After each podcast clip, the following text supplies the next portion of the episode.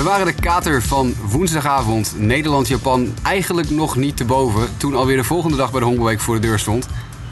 Het was een Nederlandloze dag vandaag. We hadden alleen wedstrijden van eh, de teams Chinese Taipei, Cuba, Duitsland en Italië. Nederland was vrij. Dan is het toch altijd een andere dag, hè Dennis? Dan is het zeker een andere dag. Een hele goede avond. Goedenavond. We zijn er weer. En, en ja. Nou ja, je omschreef het goed. Het is een hele andere dag. Ja. Het stadion is eh, een stuk leger. Wel gezelliger overigens, maar het is een stuk leger. Eh, het is toch anders? Ja, nee, het is. eh, een- zeker gisteren hebben we natuurlijk weer gezien. Eerst met, met de wedstrijd van Cuba dinsdag al. En dan woensdag nog even overheen met Japan. Nederland natuurlijk twee toppers achter elkaar. En dat is toch heel anders als je in zo'n stadion zit als vandaag. Waar toch eigenlijk twee affiches zijn waar niet heel veel aandacht voor is. De sfeer is toch anders. De, de, de- het weer was ook wat frisser. Ehm, het, is een, het, is een hele, het is misschien wel de vreemdste dag van zo'n honkbalweek voor mij persoonlijk. Nou ja, ik heb, ik heb exact hetzelfde gevoel. Eh, eh, Nederland is toch een sfeertrekker. Ehm, qua, qua, qua wedstrijden vandaag, nou, je noemde het net al, we gaan wat harder praten. Ja. want, eh, Sommige dingen veranderen niet, namelijk de, de karretjes die langs rijden. Nee, de field crew is heel erg aan het werk om het veld te prepareren voor, voor morgen. Dus als u af en toe wat, wat voorbij hoort rijden, dan is het onze tractor. Nee, ehm, ehm, we hebben natuurlijk het niveau gezien van afgelopen week van onder andere eh, Cuba, eh, van Duitsland. Mm, Ja, op, op papier niet boeiende wedstrijden en, en ja, dat is ook wel gebleken vandaag. Ja, welkom bij Luistervoer. Ik ben Jasper Roos, tegenover mij zit Dennis Duin. Misschien wel handig om dat even te melden. Ehm, de Hongerweek podcast die inmiddels alweer een aantal dagen als een speer gaat en nog steeds doorgaat. Ehm, Dennis, we moeten eens eventjes die dag van vandaag door gaan nemen. Want ondanks dat de wedstrijden misschien op papier niet heel erg boeiden en er in de praktijk ook nog wel wat op aan te merken was, eh, kunnen we niet zeggen dat we niet uit allebei die we- wedstrijden interessante verhaallijnen hebben kunnen halen. Want dat is denk ik wel gelukt. We beginnen bij Chinese Taipei tegen Cuba, de middagwedstrijd. Gisteren zeiden wij allebei in de podcast dat wordt een makkie voor Chinese Taipei. We hadden het eh, over een, eh, ja, toch een, een situatie waar Cuba in verkeert. Het ziet er niet goed uit. Taipei ziet er wel heel goed uit. Wij dachten dat wordt een eenvoudige overwinning voor Taipei. Wij hadden denk ik niet verwacht dat het zo'n eenvoudige overwinning voor Taipei zou worden. Nee, onze voorspelling van de week met, eh, met Nederland was gehaktdag. Ehm gehaktdag was het niet voor Nederland op dinsdag, maar het was wel vandaag gehaktdag. 12-2, 12-2. Cuba alsnog door de spreekwoordelijke gehaktmolen. inderdaad. Eh, 13 hondslagen van Chinese Taipei. Goede momenten. eh, en de wedstrijd geëindigd in 12-2 in 7 inningen vanwege de Mercy Rule. De Mercy Rule. Ja, ongelooflijk. Dat Cuba gemercy ruled wordt op dit toernooi, had ik... Nee, ik heb dat denk ik nooit gezien en ik denk niet dat ik het ooit verwacht zou hebben. Nou, niemand verwacht. Marco heeft het in, in zijn minuut van, eh, van Marco van de week in de podcast ook al verteld. Over de sterkte van de Cubaanse teams in, eh, in de afgelopen jaren. Ja, dat staat volledig haaks op het team wat we hier hebben. En we hebben het al eerder gezegd. En het stomme is, ik hoorde vandaag, ik zat even te praten binnen met een, eh, een aantal andere scouts en, en mensen die heel veel van honkbal weten. En die zeiden, dit zijn gewoon allemaal spelers die in Cuba in de Serie Nationaal spelen, de hoogste Cubaanse divisie. Nou, sorry hoor, maar als je nou naar die rechtsvelder kijkt. Welke arm heeft hij? Ja, maar echt serieus. Die gozer die heeft echt een, een spaghetti sliert aan zijn, aan zijn arm hangen aan de linkerkant. Zijn linkshandige rechtsvelder. Die gozer kan serieus nog geen 20 meter overbruggen met een gooi. Want hij gooide meerdere keren in deze wedstrijd. Probeerde die voluit te gooien. En op nog geen 20 meter voor hem viel die bal in de grond. Hij maakte meerdere hele rare beslissingen om een bal aan te snijden op een manier dat ik denk van... Maar zo snij je in het outfield helemaal geen bal aan. En ik heb in mijn leven denk ik vier innings outfield gespeeld. Maar ik bedoel, dat zag, er- echt niet uit. Nou, ik kan me niet voorstellen, die gozer, dat moet gewoon de, dat moet de, de, de neef van de, van de manager zijn of zo, die even een plek overneemt van iemand. Zou best kunnen. In dit geval Ariel Sanchez. Shit, ja, ik, ik heb een paar aangooien gezien waarvan je denkt van normaal gesproken een relay eh, staat er één, één infielder staat ertussen. Bij hem heb je er minimaal twee of drie nodig om de bal eens een keer goed in het Echt? infield te krijgen. Ongelooflijk. Nou, ik, kan, ik geloof niet dat die gast zo goed kan slaan dat hij, op, dat hij in de serie nationaal speelt. Omdat hij natuurlijk in het veld helemaal niets te zoeken heeft. Ehm, dit is, ehm, de Chi- Chinese Taipei team hebben we natuurlijk wel heel erg van genoten al deze week. Want die spelen een, een, een leuke mix van westers honkbal en Aziatisch honkbal. Er wordt gestoten. Niet zo absurd veel als Japan. Maar er wordt ook gewoon lekker voluit gemapt. Voluit gemapt en, en, en wederom weer eh, ja, Chinese Taipei. Eerste inning, eerste man komt op het honk. Verder gebracht op een offer, opofferingsstootslag. En eigenlijk exact hetzelfde in, in de vierde inning. Man komt op het honk, wordt doorgestoten en, en, en scoort. Maar ook de andere kant, er wordt gewoon flink geslagen. Ja, want we hebben ook weer, en het is ja, absurd voor woorden, maar Chinese Taipei doet gewoon mee in de bovenste regionen van de statistieke eh, kant van dit toernooi als het gebied, op het gebied van home runs. Want ook vandaag weer, nadat we van de week in de Chinese Taipei-wedstrijd al een drie punten home run zagen en er eentje die op een meter na werd gemist in dezelfde wedstrijd, hadden we vandaag gewoon weer een drie, drie punten home run. Yi Tenglin, de aangewezen slagman van Chinese Taipei. En die sloeg, we zeiden het gisteren, een raket. Nou, Ja. hij, sloeg een raket in het kwadraat. Heel ver weg. En er komen gewoon drie punten op binnen. Hij, hij profiteerde een klein beetje van de wind. Het was vandaag een beetje winderig in het stadion. We merkten dat eh, later in de, in de, op de dag ook.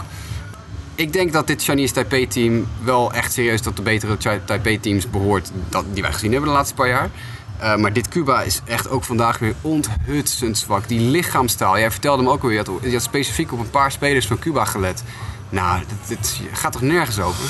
In het begin van de, inning, eh, het begin van de wedstrijd zie je, zie je Dachel eh Duquesne, de startende werper van Cuba.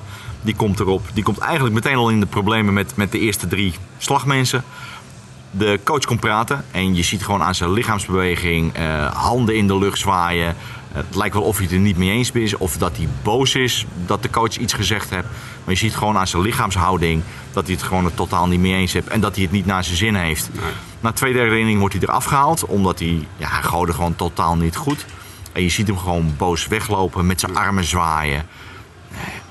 Nee. Wat is er aan de hand? Volgens mij hebben ze gewoon helemaal geen zin. Ze hebben alles verloren dit toernooi, die Cubanen. En, en dat was ook echt serieus terecht. Ik denk dat ik eh, in geen jaren zo'n slecht, eh, slecht honkbalteam heb gezien als, als dit Cuba. We hebben wel eens, eh, in de vorige honkbalweek eh, was er een team Curaçao hier... dat we ook wel eens beter hebben zien spelen dan dat ze toen in die week speelden.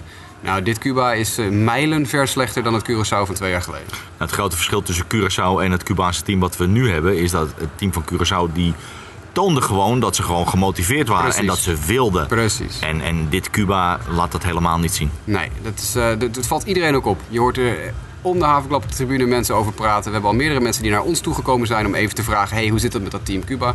Dit, eh, nee, dat is gewoon geen succes. We moeten dat maar even als een missertje zien, denk ik. En Taipei misschien een beetje als een lucky break. Want nogmaals, normaal gesproken is Taipei best een leuk team... maar eh, zet de wereld nooit in de brand, zeg maar. Dit toernooi denk ik dat we een serieuze ploeg zijn om rekening mee te houden.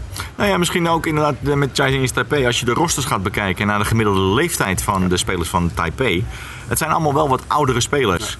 Dus qua ervaring eh, is het natuurlijk eh, wel goed voor dit team. Ja, absoluut, absoluut. Ik wil eigenlijk niet zo heel veel meer aan deze wedstrijd eh, besteden qua tijd. Want nou, je zei het al terecht, 10 punten verschil, mercy rule, einde verhaal. We hadden tijd over vandaag. Ja, nou, dat, was, dat was nog een meest bizarre. Jij en ik waren, we waren klaar met die wedstrijd. We zaten boven, jij had gespiekerd en ik had ja, zitten, zitten typen en zitten weet ik het allemaal. En we komen naar elkaar toe naar die wedstrijd. We, echt zoiets van, we hebben echt serieus nu 2,5 uur, drie- bijna 3 uur niks te doen. Wat, wat, wat doen we met Wat, onze wat, tijd? wat gaan we doen? Gisteren moest ik nog rennend een, eh, een bord eten naar binnen schuiven. En zat ik op de tribune nog eh, mijn kopje koffie leeg te drinken toen de volgende wedstrijd alweer begon. En vandaag hadden we een zeeën van tijd. We liepen een beetje met onze ziel onder ons arm door het stadion. Want eh, ja, die wedstrijd was zo snel klaar. S'avonds ook trouwens. Die avondwedstrijd was ook een, een, een kort, kort Volgens, eh, volgens de officiële statistieken 2 uur 26. Dat is echt heel kort. Dat is, eh, dat is een snelle pot.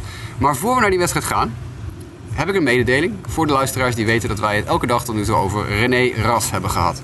Want het zit namelijk zo, wij vertelden gisteren al dat we René Ras vandaag in de podcast zouden hebben. En hij was heel erg vriendelijk naar ons toe, want hij had een wedstrijd gescheid vanmiddag om twee uur. De blowout tussen Cuba en Chinese Taipei. En had dan toegezegd, ik kom daarna gewoon even lekker bij jullie zitten en dan gaan we even babbelen. Dat hebben we dus ook gedaan. Eh wij zijn op ons vaste plekje gaan zitten hier in de Visserkom eh, beneden bij, het, eh, bij, bij de backstop. En René Ras schoof aan. Daarnaast hadden we ook het geluk, denk ik, dat ook Henk van der Linden aangeschoven is. Superleuk. Ook Marco Stovelaar heeft, heeft even zijn, zijn gezicht laten zien. Eh, en dat is eigenlijk een heel erg leuk interview geworden. Met René Ras over scheidsrechteren, over de honkbalweek, over zijn carrière, over de keuzes die hij gemaakt heeft. Met Henk van der Linden over de geschiedenis. Over Henk van der Linden heeft René Ras ook begeleid. Hebben het ook nog over gehad. Dat is eigenlijk best een heel lang interview geworden, kan ik je vertellen. Want ik heb hem al een beetje door zitten bladeren net en eventjes wat eh, dingetjes eraan gemixt. Dat is toch een interviewtje van een minuut of 25. Nou, dat is normaal gesproken ongeveer de lengte van onze podcast. Dat betekent eh, dat deze podcast eigenlijk een, dubbele is van, eh, van wat hij normaal is.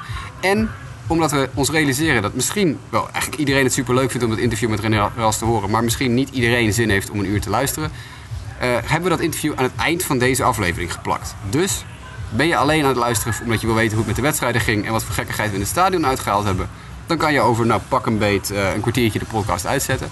Ben je echter ook heel erg geïnteresseerd, en ik zou het van harte aanraden om te luisteren, want het is echt een fascinerend interview. Uh, om te horen hoe het René Ras is vergaan tot nu toe uh, in zijn scheidsrechterscarrière en hoe hij het op de Honkbalweek vindt als rookie, zou ik zeker daarna nog even luisteren naar het interview met René Ras. Gaan we nu door met de volgende wedstrijd. De avondwedstrijd tussen Italië en Duitsland. Wij hadden gisteren moeite met het kiezen van een, van een winnaar. We zeiden het kan eigenlijk een beetje alle kanten op. We schatten Italië ietsje sterker in. Maar ook de Duitsers hebben we niet uitgevlakt. Nou, Dennis, ik denk dat dat redelijk uitgekomen is. Ik denk het ook. 3-1 voor, uh, voor Italië. Um, op zich, als, je, als ik voor, uh, naar de scorekaart ga kijken voor mijn neus, um, een redelijke saaie wedstrijd. Uh, niet veel acties gebeurd. Maar uiteindelijk, ja, vergeet niet, er wordt in totaal over de twee teams 23 keer drie slag gegooid. Uh, de eerste startende werper van, van Italië, uh, Luis Lugo, die gooit in totaal 11 keer drie slag. 11 keer zo. Hoeveel innings stond hij op de heuvel? We gaan even heel snel op de papieren erbij kijken. Zeven volledige inningen. Ja, precies. Hij heeft dus echt wel behoorlijk. En dat is zo'n zo schril contrast met, met die of gewoon een contrast met die werpers uit de Aziatische teams die om de inning zo ongeveer eruit gehaald worden. Japanners die één inning per beurt gooien, Taipei'ers die één inning per beurt gooien. En dan staat deze jongen gewoon lekker zeven innings op de heuvel, 11 strikeouts, fantastische pot gegooid, houdt de Duitsers volledig onder controle, krijgt één punt tegen. Italië wint uiteindelijk het duel dan ook met, eh, met 3-1. Want ook de Duitse pitching was niet slecht, maar. Ja, toch. Uh, als je gaat kijken naar Italië. Italië komt in de eerste en in de derde inning scoren ze. En daarna blijft het gewoon dicht. Er komen nog wel wat, wat verdwaalde honkslagen tussendoor. Maar dan blijft het gewoon, voor de rest blijft het verdedigend gewoon dicht zitten. Er komt geen punt meer doorheen. Nee, de Duitsers eindigen het, eh, de wedstrijd volgens mij met twee hits. Dat is natuurlijk wel weinig. Dat is heel weinig. Uh, de Italianen hadden iets meer, ik geloof een stuk of uh, negen of zo, zeg ik even heel snel uit mijn hoofd. Ik weet niet of je heel snel kan tellen. Maar... Heel goed, maar het waren er negen. Waren er negen? Nou, ja, het waren er negen, heel heb goed. Ik toch, heb ik toch genoeg op zitten ja, letten, terwijl ik uh, boven daar met jou zat te ouwe hoeren de hele tijd. Um, Italië terecht gewonnen, natuurlijk. Als je een werper hebt die zo goed gooit en, en de Duitse ploeg op twee hits weet te houden, heb je terecht gewonnen. Maar toch vond ik dat Duitsland geen moment ook echt uit de wedstrijd was. Dat je dacht van nou, dit is zo'n gedane zaak. Zoals we eerder op de dag Taipei Cuba echt aan stukken zagen rijden. Dat was heel snel gebeurd. Ja. Maar uh, het liep gewoon gelijk op. Uh, leuk spel.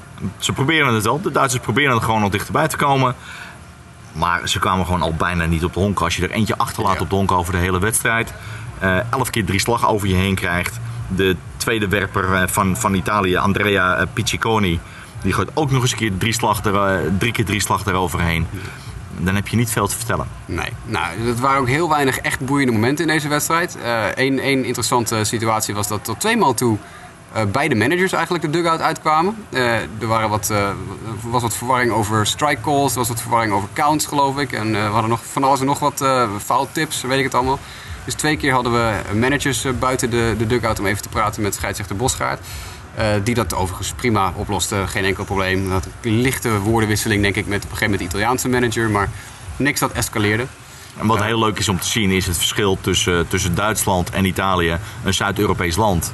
Waarbij de emoties bij de, de coach van Italië uh, toch een stuk veel meer waren. Ja. Veel meer was. Als dat de coach ja. van Duitsland heel rustig praatte. Maar de Italiaanse manager was inderdaad al heel snel met zijn handen aan het zwaaien. En dat hij het totaal niet mee eens was. Ja, het, toch liep het niet uit de hand. Er is geen, nee. geen reden geweest voor, uh, voor Bosgaard om, uh, om stappen te ondernemen. Hij liet gewoon de Italiaanse manager even zijn zegje doen. Nou, die had zijn zegje gedaan en draaide zich om en liep weg. Het was ook niet dat dat nou een moment was in de wedstrijd dat je denkt van dit is heel kritiek om nu een stampij te gaan trappen. Het was ergens in de vierde of vijfde inning. Dus, uh, nee, het was, meer, het was meer, voor mij was het meer van de manager die staat voor zijn team. Precies. Even laten zien hoe of wat. Ja. Prima, zeg je gedaan en we draaien weer om. We gaan de dugout in en we spelen verder. Ja, keurig opgelost door uh, denk ik alle betrokken partijen. Um, ja, ook over deze wedstrijd kunnen we eigenlijk niet heel veel meer zeggen dan dat. Er is gewoon niet zoveel gebeurd. Ja, het waren gewoon twee volledig verschillende wedstrijden die we gezien hebben. Maar het waren allebei wedstrijden die om verschillende redenen niet boeiden. De, Taipei had binnen de kortste keren Cuba helemaal eronder. En Duitsland-Italië was wel close, maar er gebeurde eigenlijk ook helemaal niks. Er gebeurde niet veel. Nee. nee. Dus uh, ja, daar zijn we er eigenlijk klaar mee. Hebben we nog wel iets wat, ik, uh, wat we nog wel even kunnen afdraaien. Dat is namelijk dat ik na de wedstrijd uh, eventjes wilde praten met een Duitse speler. Want we hebben natuurlijk een Italiaan gehoord eerder deze week. Nou, Italiaan zeg ik tussen aanhalingstekens, want Chris Colabello is natuurlijk een geboren Amerikaan, maar wel Italiaanse ouders. Uh, en ik had nog geen Duitser gesproken. Dus nou ja, dat is toch een, uh, een, land dat dicht bij ons in de buurt ligt. Het team is best wel goed ontvangen, denk ik, in de Honkbalweek. En, uh, en dat werkt van twee kanten natuurlijk. Veel, veel, veel fans die pro-Duitsland zijn in het stadion hier. Dus ik denk, ik wil even met een Duitser praten. Dus ja, ik weet dan natuurlijk niet wie kan ik het beste even vragen, want ik ken al deze gasten niet. Dus ik heb eventjes aan de liaison gevraagd, aan de liaison van Team Duitsland, wie moet ik hebben? Die heeft het aan een coach gevraagd en de coach kwam met één antwoord terug. Je moet nummer 16, Simon Guring moet je eventjes vragen, want dat is de captain van dit team. De veteraan die alles al gezien heeft, alles al gedaan heeft en die ook uh, nou, goed Engels spreekt. Dat scheelt. Uh, dus ik uh, sprak direct na de wedstrijd. En uh, moet ik zeggen, niet direct na de wedstrijd, want hij moest eventjes eerst met zijn team drie minuten een, een pep talkje doen na, na, het verlies. Maar daarna kwam hij keurig naar me toe en heb ik eventjes een paar minuten gesproken met Simon Guring.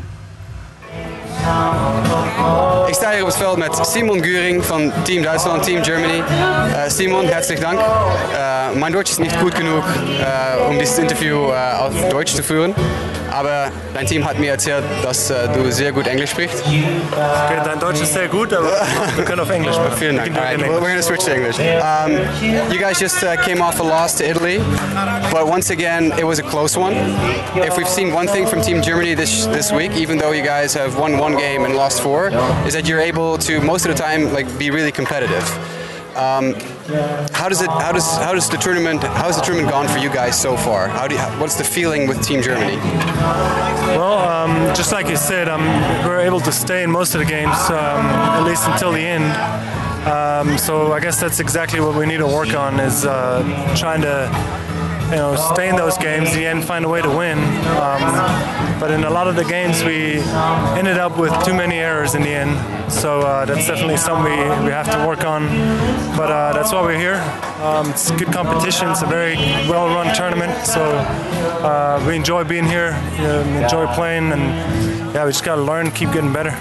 It's, uh, it's very interesting because you guys were added to the tournament very late but uh, the reception has been very positive. The the crowd was very enthusiastic when we heard, all right, Germany's coming. A team really like up and coming in Europe, really uh, well well-rounded organization in Germany, and the crowd has really seemed to embrace you guys because there's a lot of like pro-Germany chants. Yeah. There's like Angriffe from the from the crowd and everything. And people are singing the anthem with you guys, and uh, it seems like you guys are really popular here. Uh, can you explain how did that happen?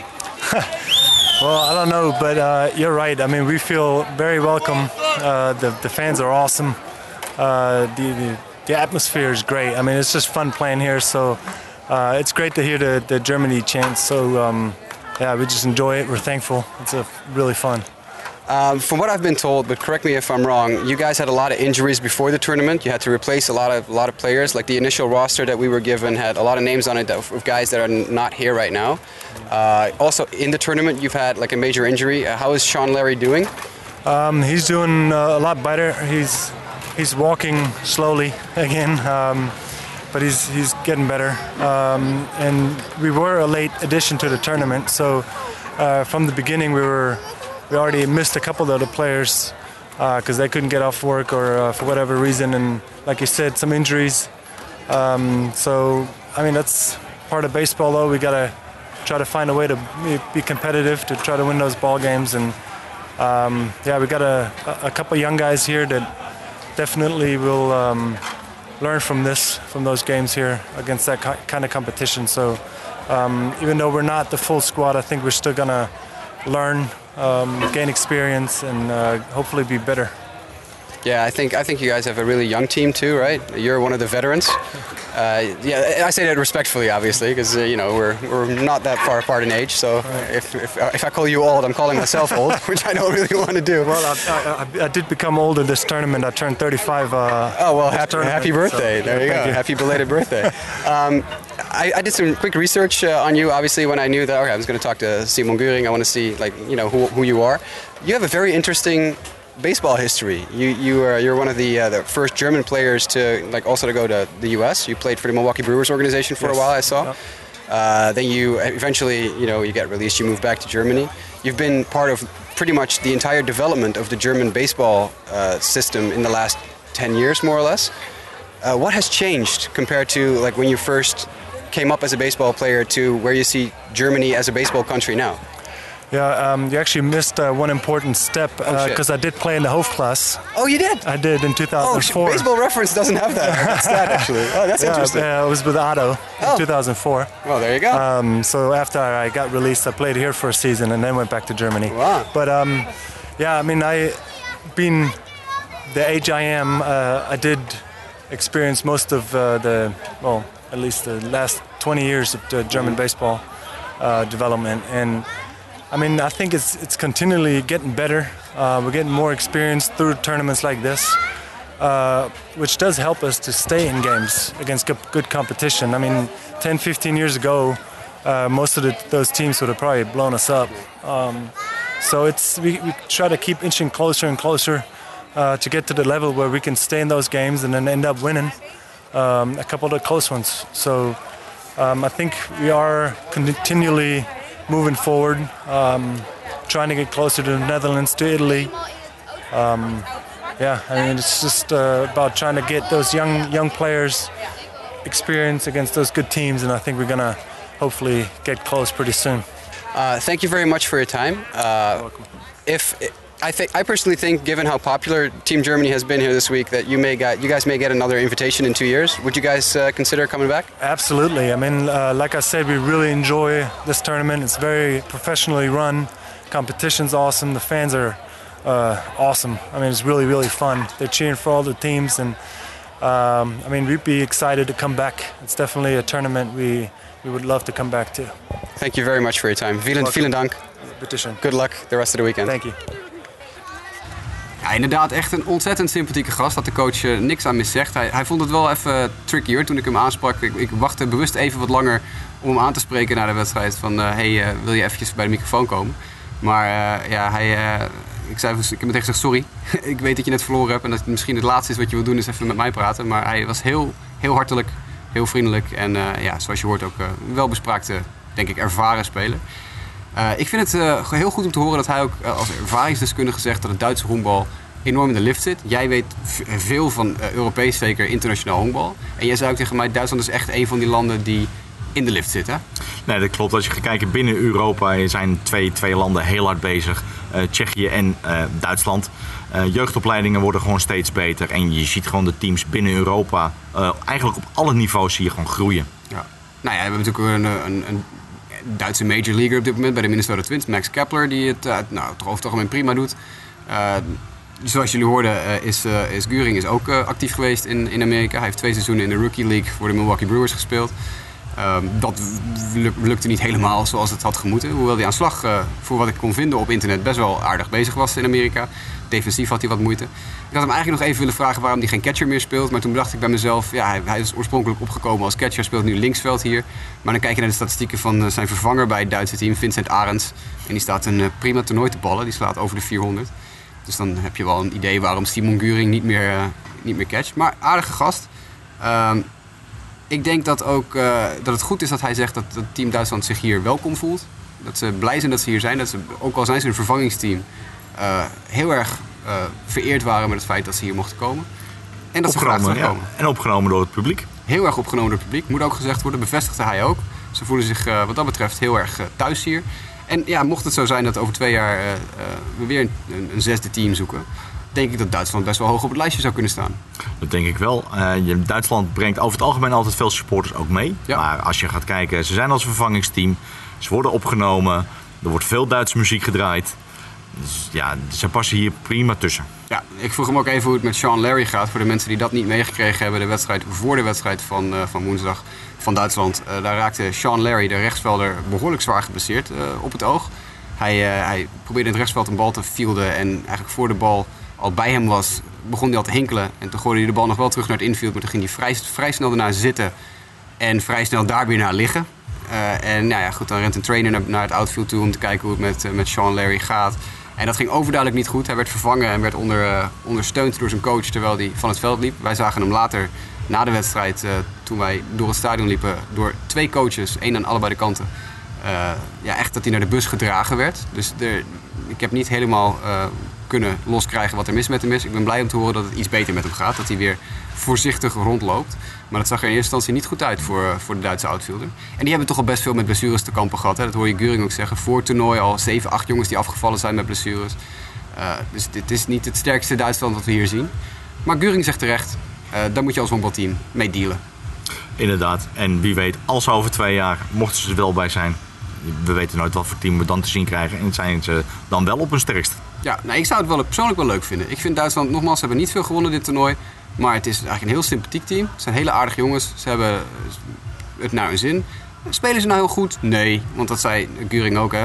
veel te veel veldfouten. Jij hebt al even uitgesteld, geloof dat ze op dit toernooi al 10 errors hadden gemaakt. Inderdaad, ze, hebben, ze staan, ja, klinkt raar, maar ze zijn de koploper. Ja, de, in errors. Niet, niet, niet, uh, niet iets waar je trots op kan zijn, nee. maar ze zijn koplopers in fouten. Ja, nou ja, goed, dat, dat moet dus beter. En dat weten ze ook. Dus uh, ze gaan nog daar zeker op trainen. Maar ja, jongens als Simon Guring, dat maakt het toch allemaal wat, wat tastbaarder, denk ik, als we ook eens van hem horen. Ik zou ook dolgraag nog eens een keer een Japanner of een Taipeier voor de microfoon hebben. Maar ja, iedere keer als ik het probeer, het wordt toch echt heel moeilijk gemaakt door het feit dat, ja, dat de stap met de tolk ertussen heel ingewikkeld is. heel eerlijk, een Cubaan, dat hoeft voor mij niet zo hard, dit, dit toernooi. Misschien als je het voor elkaar krijgt. Ik heb te horen gekregen dat de coach van Japan, de teammanager van Japan, redelijk Engels spreekt. Dat heb ik ook begrepen. Nou, dat zou in ieder geval een, een, een leuk iets zijn. Mogelijk dat we dat kunnen proberen. Uh, dat hebben we gehoord van René Rast. Dat ga je niet straks horen in het Inderdaad. interview. in het interview met René. Um, voordat we naar de minuut van Marco gaan. Wat staat er op het programma voor vrijdag, Dennis? Morgen hebben we drie wedstrijden. En we beginnen morgen om 11 uur met de wedstrijd Duitsland tegen Cuba. Ja. Dan hebben we om 3 uur de wedstrijd Japan tegen Chinese Taipei. Dat is de nummer 1 tegen de nummer 2. Uh, die stond eigenlijk voor vrijdagavond gepland. Maar omdat Nederland Nederland speelt altijd in de avonduren. Dus om 3 uur Japan tegen Chinese Taipei. En om 7 uur hebben we Nederland tegen Italië. Nou, dat is ja, heel veel. Eigenlijk stiekem heel veel mooier had het niet uit kunnen pakken voor de win-or-go-home wedstrijd voor Nederland. Dat ze op vrijdagavond uh, tegen Italië spelen. Uh, Dennis, kan je ons even heel kort uitleggen hoe het schema er verder uitziet? Zaterdag 21 juli om 2 uur. Dan krijgen we de verliezer van de wedstrijd Nederland-Italië. Die gaat spelen tegen de winnaar van Duitsland tegen Cuba. En de verliezer van de wedstrijd Japan tegen Chinese Taipei speelt tegen de winnaar van de wedstrijd Nederland tegen Italië. Ja, dus eigenlijk eh, Nederland, Italië en Japan en Taipei zijn nog in de running. Dat is een soort van de, de halve finale, zou je dat, of kwartfinale zou je dat kunnen noemen. Ja. Uh, dus zaterdag hebben we dan nog een, uh, ja, een paar krakers op het programma staan, waar echt alles op het, uh, op het spel kan staan.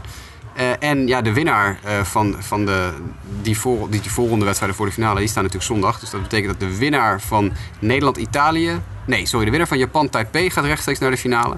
Ja. En die komt dan tegenover de winnaar te staan van de zaterdagavondwedstrijd. Inderdaad. Dat klopt, hè? Dat klopt helemaal. Dit schema is ook voor mensen die denken van... ho, dit gaat mij helemaal iets te snel... terug te vinden op honkbalweek.nl. Uh, want daar staan natuurlijk alle stats ook op, dus dat kan je even meelezen. Uh, Duitsland-Cuba morgen, dat, uh, ik doe een voorspelling. Ik denk dat Duitsland met een positief gevoel uit dit toernooi weggaat. Hele mooie omschrijving, ik ben het er helemaal mee eens. Ik denk dat Japan-Taipei in een overwinning voor Japan gaat eindigen. Ook mee eens. En ik ga er toch voor Nederland verslaat Italië morgenavond en blijft in de running voor de finale plaats. Dat is omdat ik, ik, aan de ene kant denk ik ook daadwerkelijk dat dat kan, want Nederland kan dit Italië best pakken. Aan de andere kant hoop ik het ook gewoon heel erg. Ben je niet de enige. Ik, ik hoop ook dat, uh, dat Nederland wint. En ik geef ze ook de grootste kans, uh, kans daarin om een voor eigen publiek natuurlijk uh, ja, toch wel te winnen. De belangrijkste vraag voor de wedstrijd Nederland-Italië van morgen is... Wie start er? Starter. En naast ons is nu aangeschoven het orakel. Marco de Stovelaar. meester zelf, Marco Stovelaar. Hij geeft aan linkshandige werper met een curve. Dat zou betekenen? Mark Mark wel.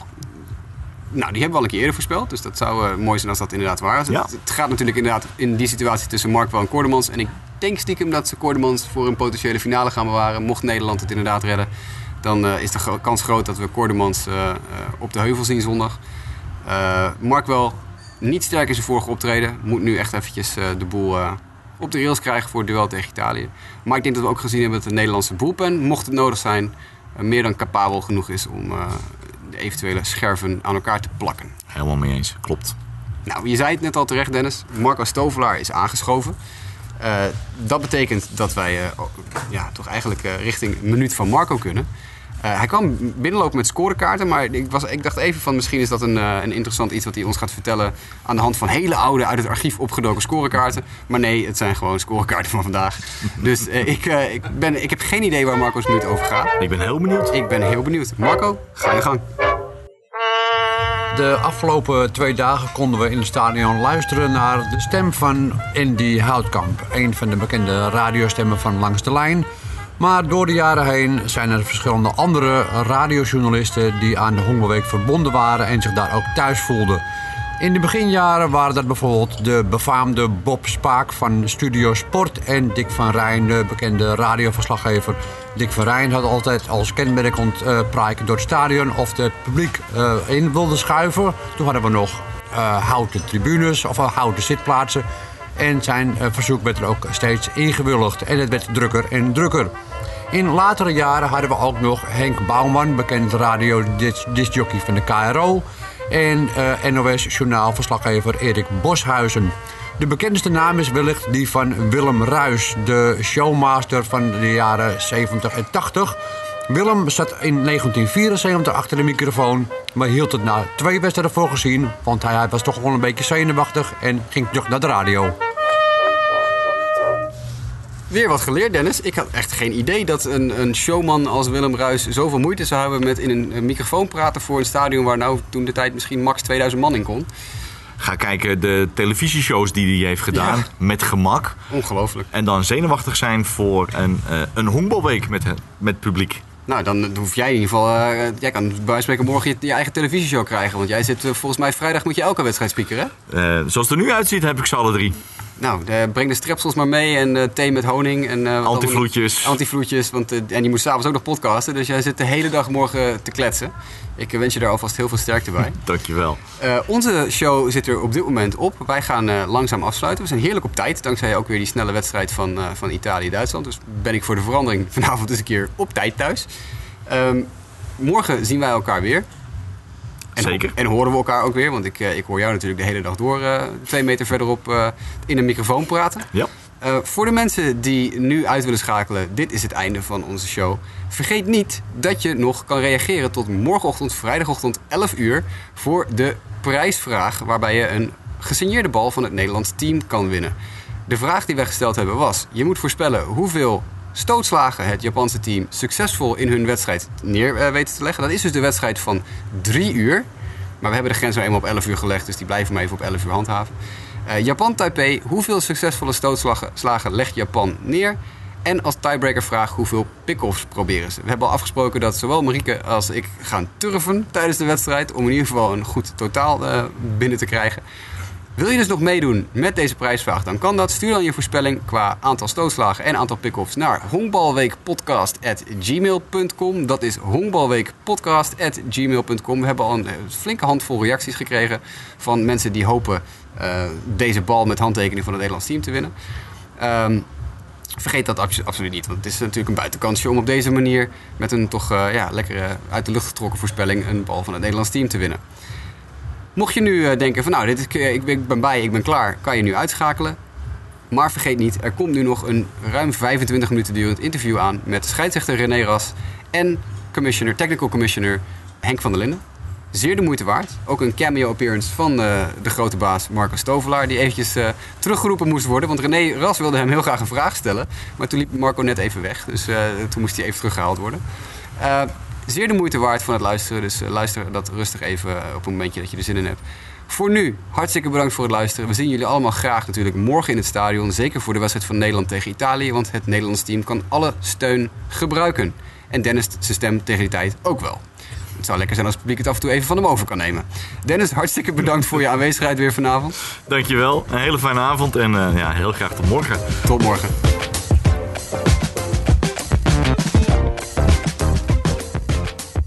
Dennis, we hebben een gast aan tafel. Jawel, hij zit aan aan tafel. De enige echte René Ras. Scheidsrechter René Ras, we zijn ontzettend blij dat je er bent. Heel leuk dat je aan wilde schuiven bij ons. Graag gedaan. Graag gedaan. Je hebt eh, misschien al begrepen dat je een, eh, ja, een soort doorlopend eh, fenomeen bent geweest in de eerste handvol afleveringen van de ik heb het een en podcast. ander gehoord, ja. Het, het begon nog wel zo goed, want in een van de eerste afleveringen opperde ik van nee, volgens mij is René Ras eh, voor de eerste keer op de Honkbalweek, maar ik wist het niet zeker. Heb ik toen ook gezegd. Nou, de volgende dag vertelt Marco Stovelaar, die hier ook aan tafel zit. Het Nee, orakel. Het Wij- orakel het orakel. ja. Eh, die zegt zelfs, nee, volgens mij, eh, volgens mij is het als de tweede keer. Dus nou ja, wij gaan natuurlijk blindelings, wij varen blindelings op Marco Stovelaar, zoals heel veel mensen doen. Eh, en terecht overigens ook. Ehm, en toen bleek dat het toch iets anders zat, want Marco die had het verkeerde boekje geraadpleegd. Namelijk het boekje van het EK van twee jaar geleden. 2016, ja.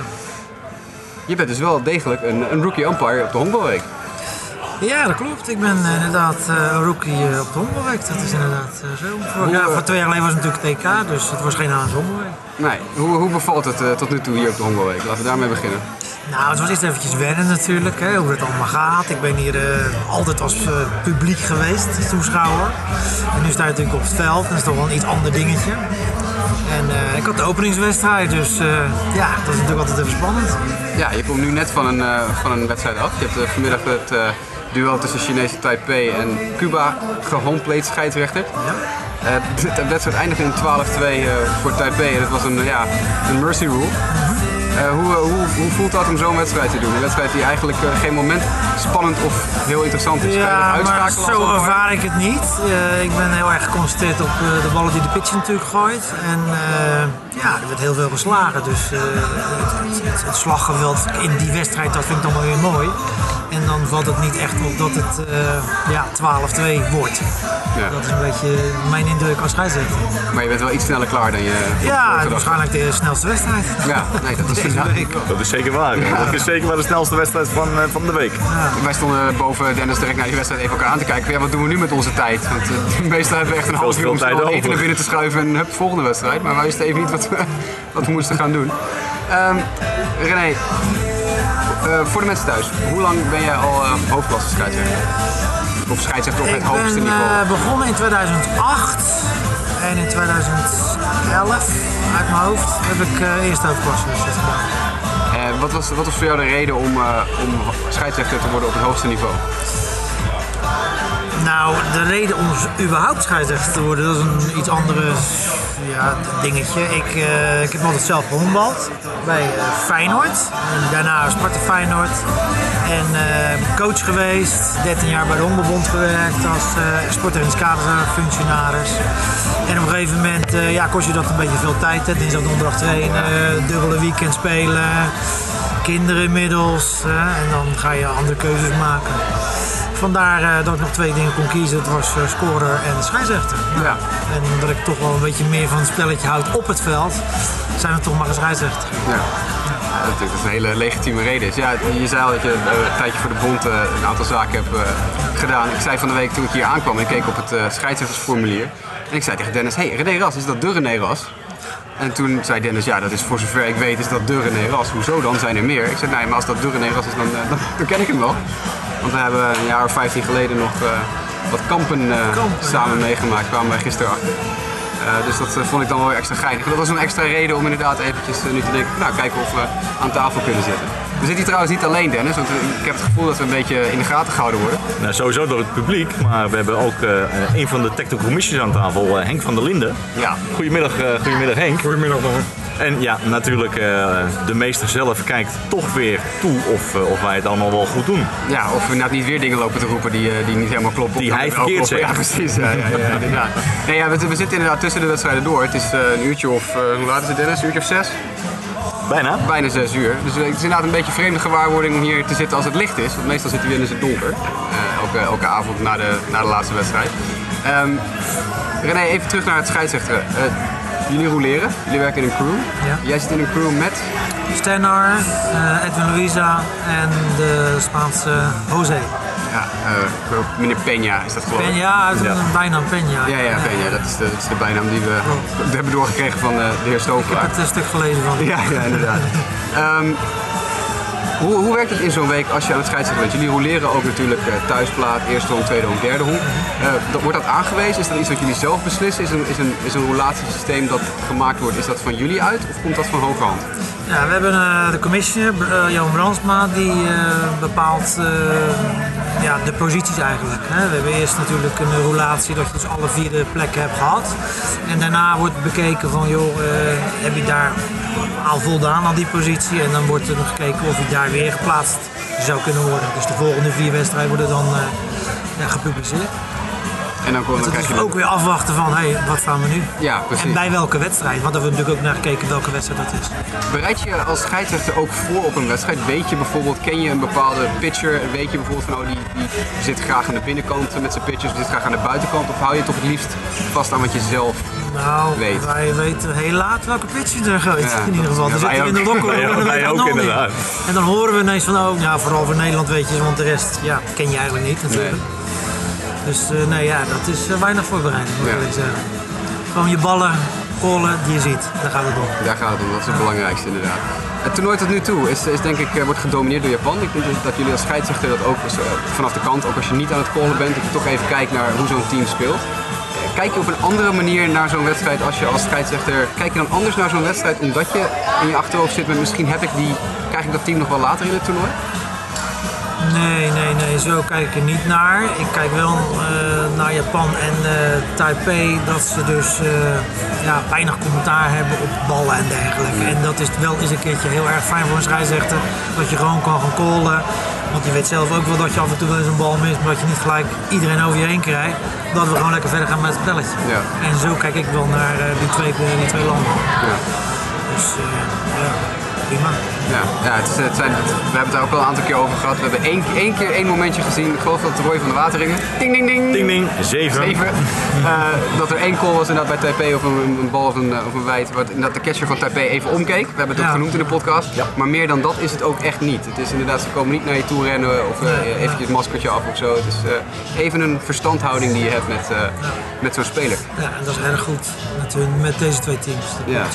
Daarover gesproken, we hebben natuurlijk een internationaal toernooi hier. Eh, los van het feit dat je met twee eh, buitenlandse collega's werkt. Die, ik neem aan die communicatie gaat in, in het Engels.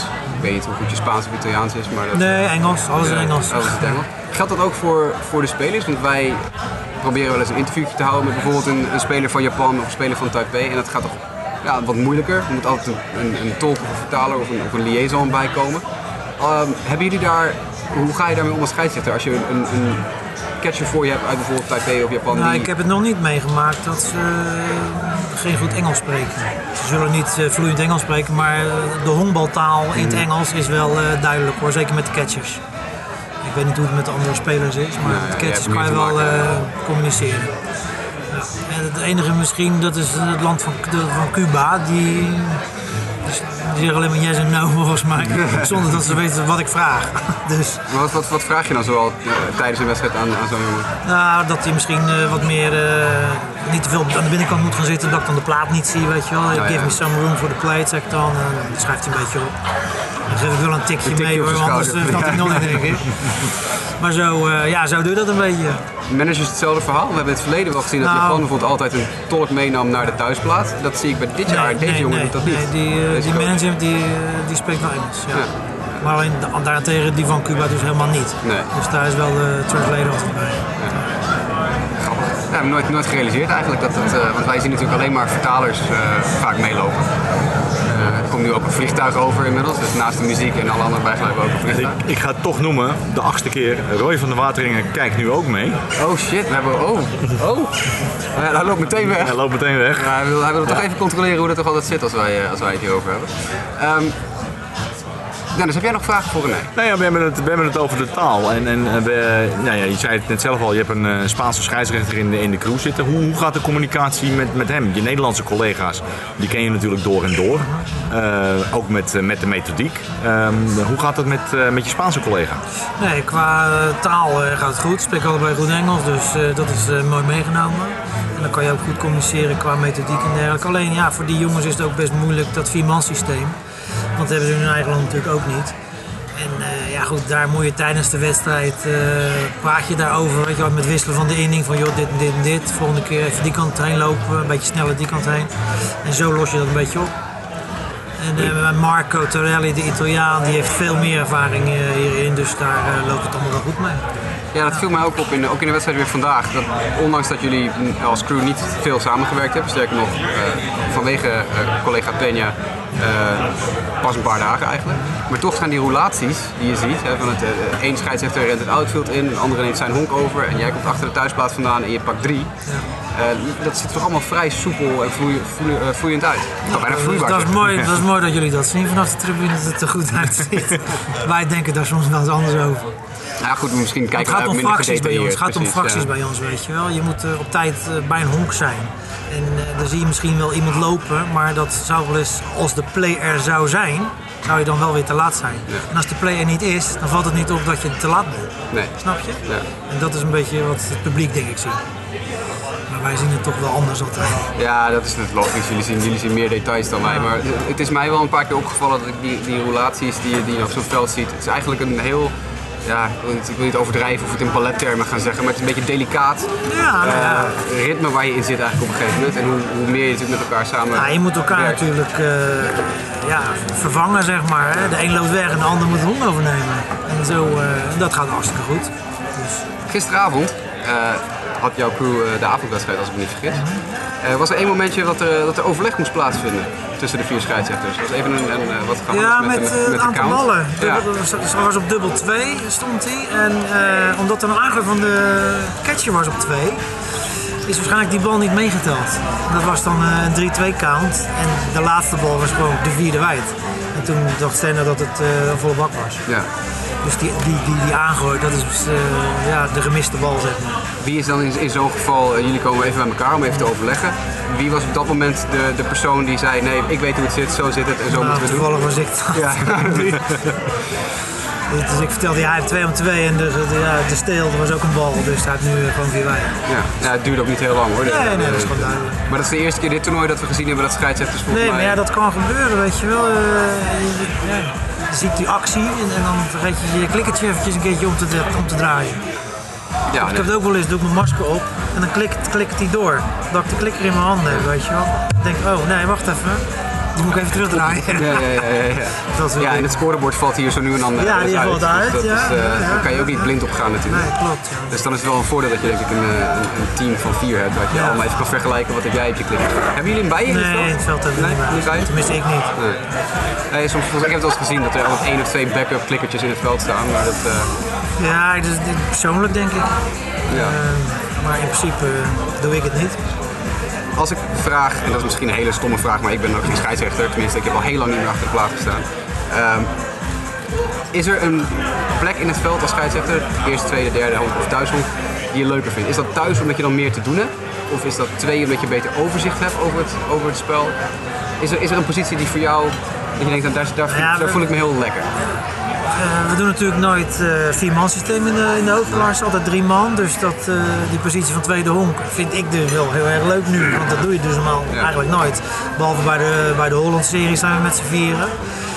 En ja goed, dat tweede honk vind ik wel dat is weer apart natuurlijk. Dat is wat anders. En anders heb je gewoon altijd 1 en 3 en, en plaat. En op zich is plaat altijd wel een beetje, ja, dan ben je eigenlijk de, men, de, de, die het, het meest in beeld is, laat ik het zo zeggen. Dus ja, dat, dat geeft ook wel eens wat meer spanning met zich mee hoor. Ja, dat heeft voordelen en nadelen natuurlijk. Ja. Als het prima gaat, ben je de vierde man. Maar als, de man, ja. als het niet goed gaat, ben je het gezicht van de crew die is waar het. inderdaad Ja. Ehm, voordat je naar deze honkbalweek ging, ja, je weet op een gegeven moment je wordt gebeld, neem ik aan, wil je komen scheidsrechter bij de honkbalweek of word je aangewezen?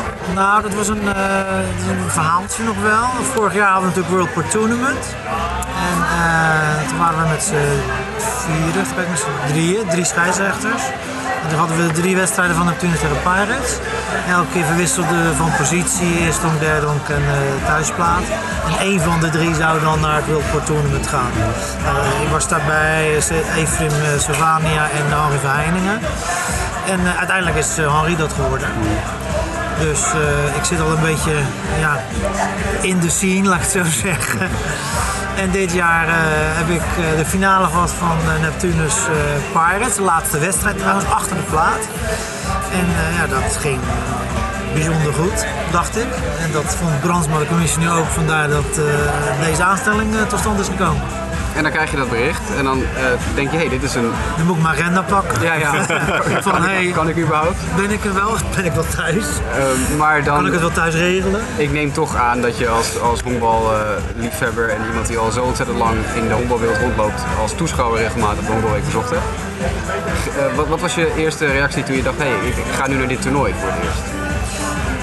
Ja, ik, ik, toen ik scheidsrechter eh, werd in 2008, dan was dat, ja, is dat je doelstelling, weet je, uiteindelijk. Tenminste, bij mij is dat het geval. Nou, nou, je moet op een van die twee toernooien moet je gewoon staan, dan heb je het hoogste gehaald in Nederland. Dus eindelijk eh, ja, had ik dat bereikt, dus ik was heel erg blij ermee natuurlijk, dat ik dat hoorde. Ja, Bevalt het tot nu toe? ja wel, ja, wel. Publiek? Ja, gezellig. Vooral die eh, Nederland-Cuba, dat was eh, echt de, de wedstrijd qua sfeer. Ja, ja, Het, ging, het ging inderdaad Ja, eh, niet ja, gek. ja, Ja, super mooi.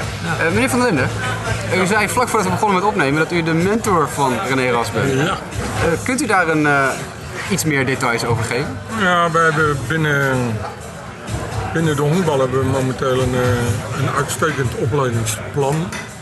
Eh, trouwens, voor de goede orde, Johan Brandsma is de commissioner. En op de momenten dat Johan er niet is, dan vervang ik hem hier. Dus Johan is wel de commissioner van het. We hebben een heel mooi opleidingsplan.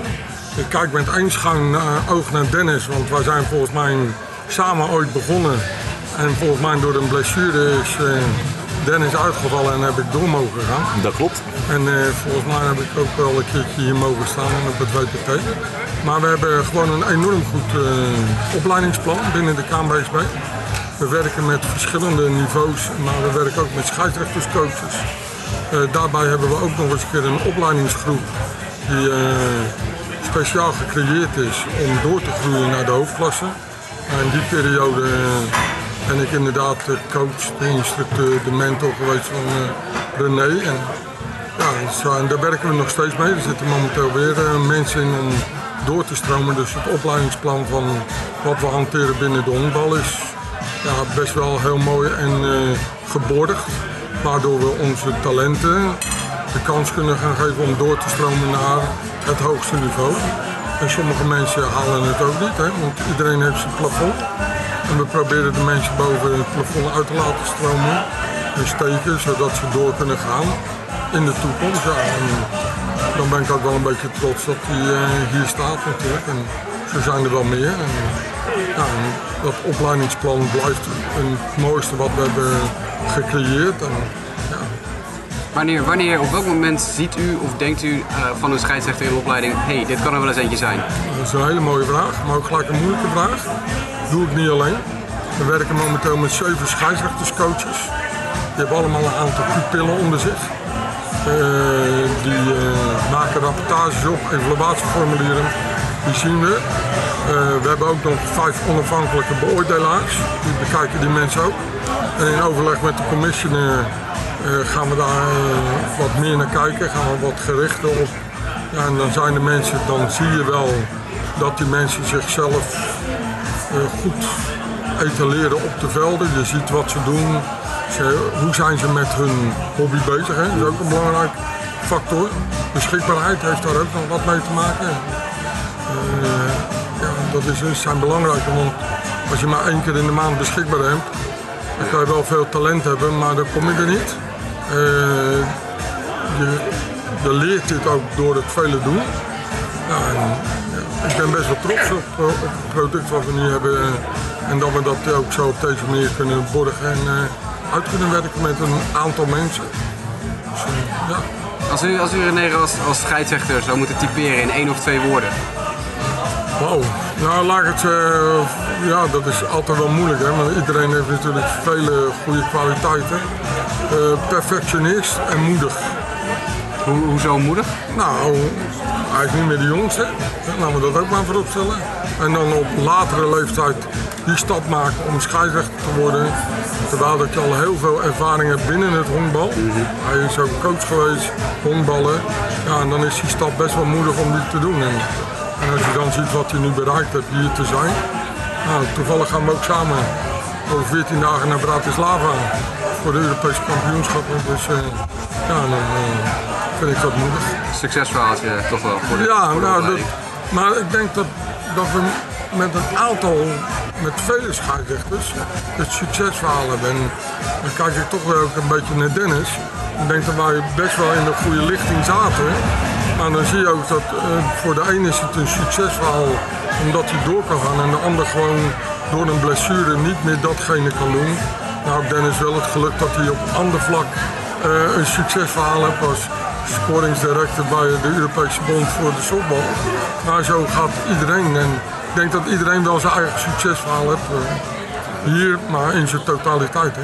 Dat eh, vind ik een bijzonder, eh, bijzonder mooi sentiment.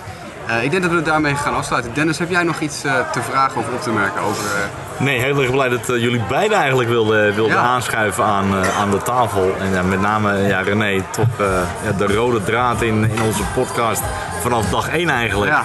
Dus eh, heel erg blij en eh, dankjewel dat, dat je hier aan, aan tafel wilde zijn. Henk ook, eh, dankjewel voor het eh, mooie verhaal inderdaad over het opleidingsplan. En over mij, dankjewel. Ik heb nog wel een vraagje van Marco, maar ja, dat loopt nou weer weg. Marco, Ik ben benieuwd of heb je één eh, minuutje even? komt- Hij komt weer terug. Hey Marco, ik ben eh, natuurlijk rookie, maar ik ben heel benieuwd eh, wat de leeftijd is van de oudste rookie die hier geweest is. Ik denk dat hij, Kijk, dat is eh, wel een dingetje voor nummer jou. Dan moet jij staat. even gaan zoeken. een beetje in de buurt komen. Nou, hij staat nummer 1 denk ik hoor. Ja, ik denk het ook. Ik denk het ook. Nou, zoek het even uit. Dat is mooi voor de volgende. eh, Dankjewel voor, eh, wij, eh, wij gaan door met het, eh, onderwerp René Ras morgen. Ik heb het morgen inderdaad weer over. En dan Marco, we leggen geen druk op. Nee, Maar- maar maak geen foto deze keer. Pak het goede boekje alsjeblieft. Oké? Dankjewel. Dankjewel Marco. Bedankt. Oké, graag. En eh, nog heel veel succes dit toernooi, eh, René. Nee, dankjewel.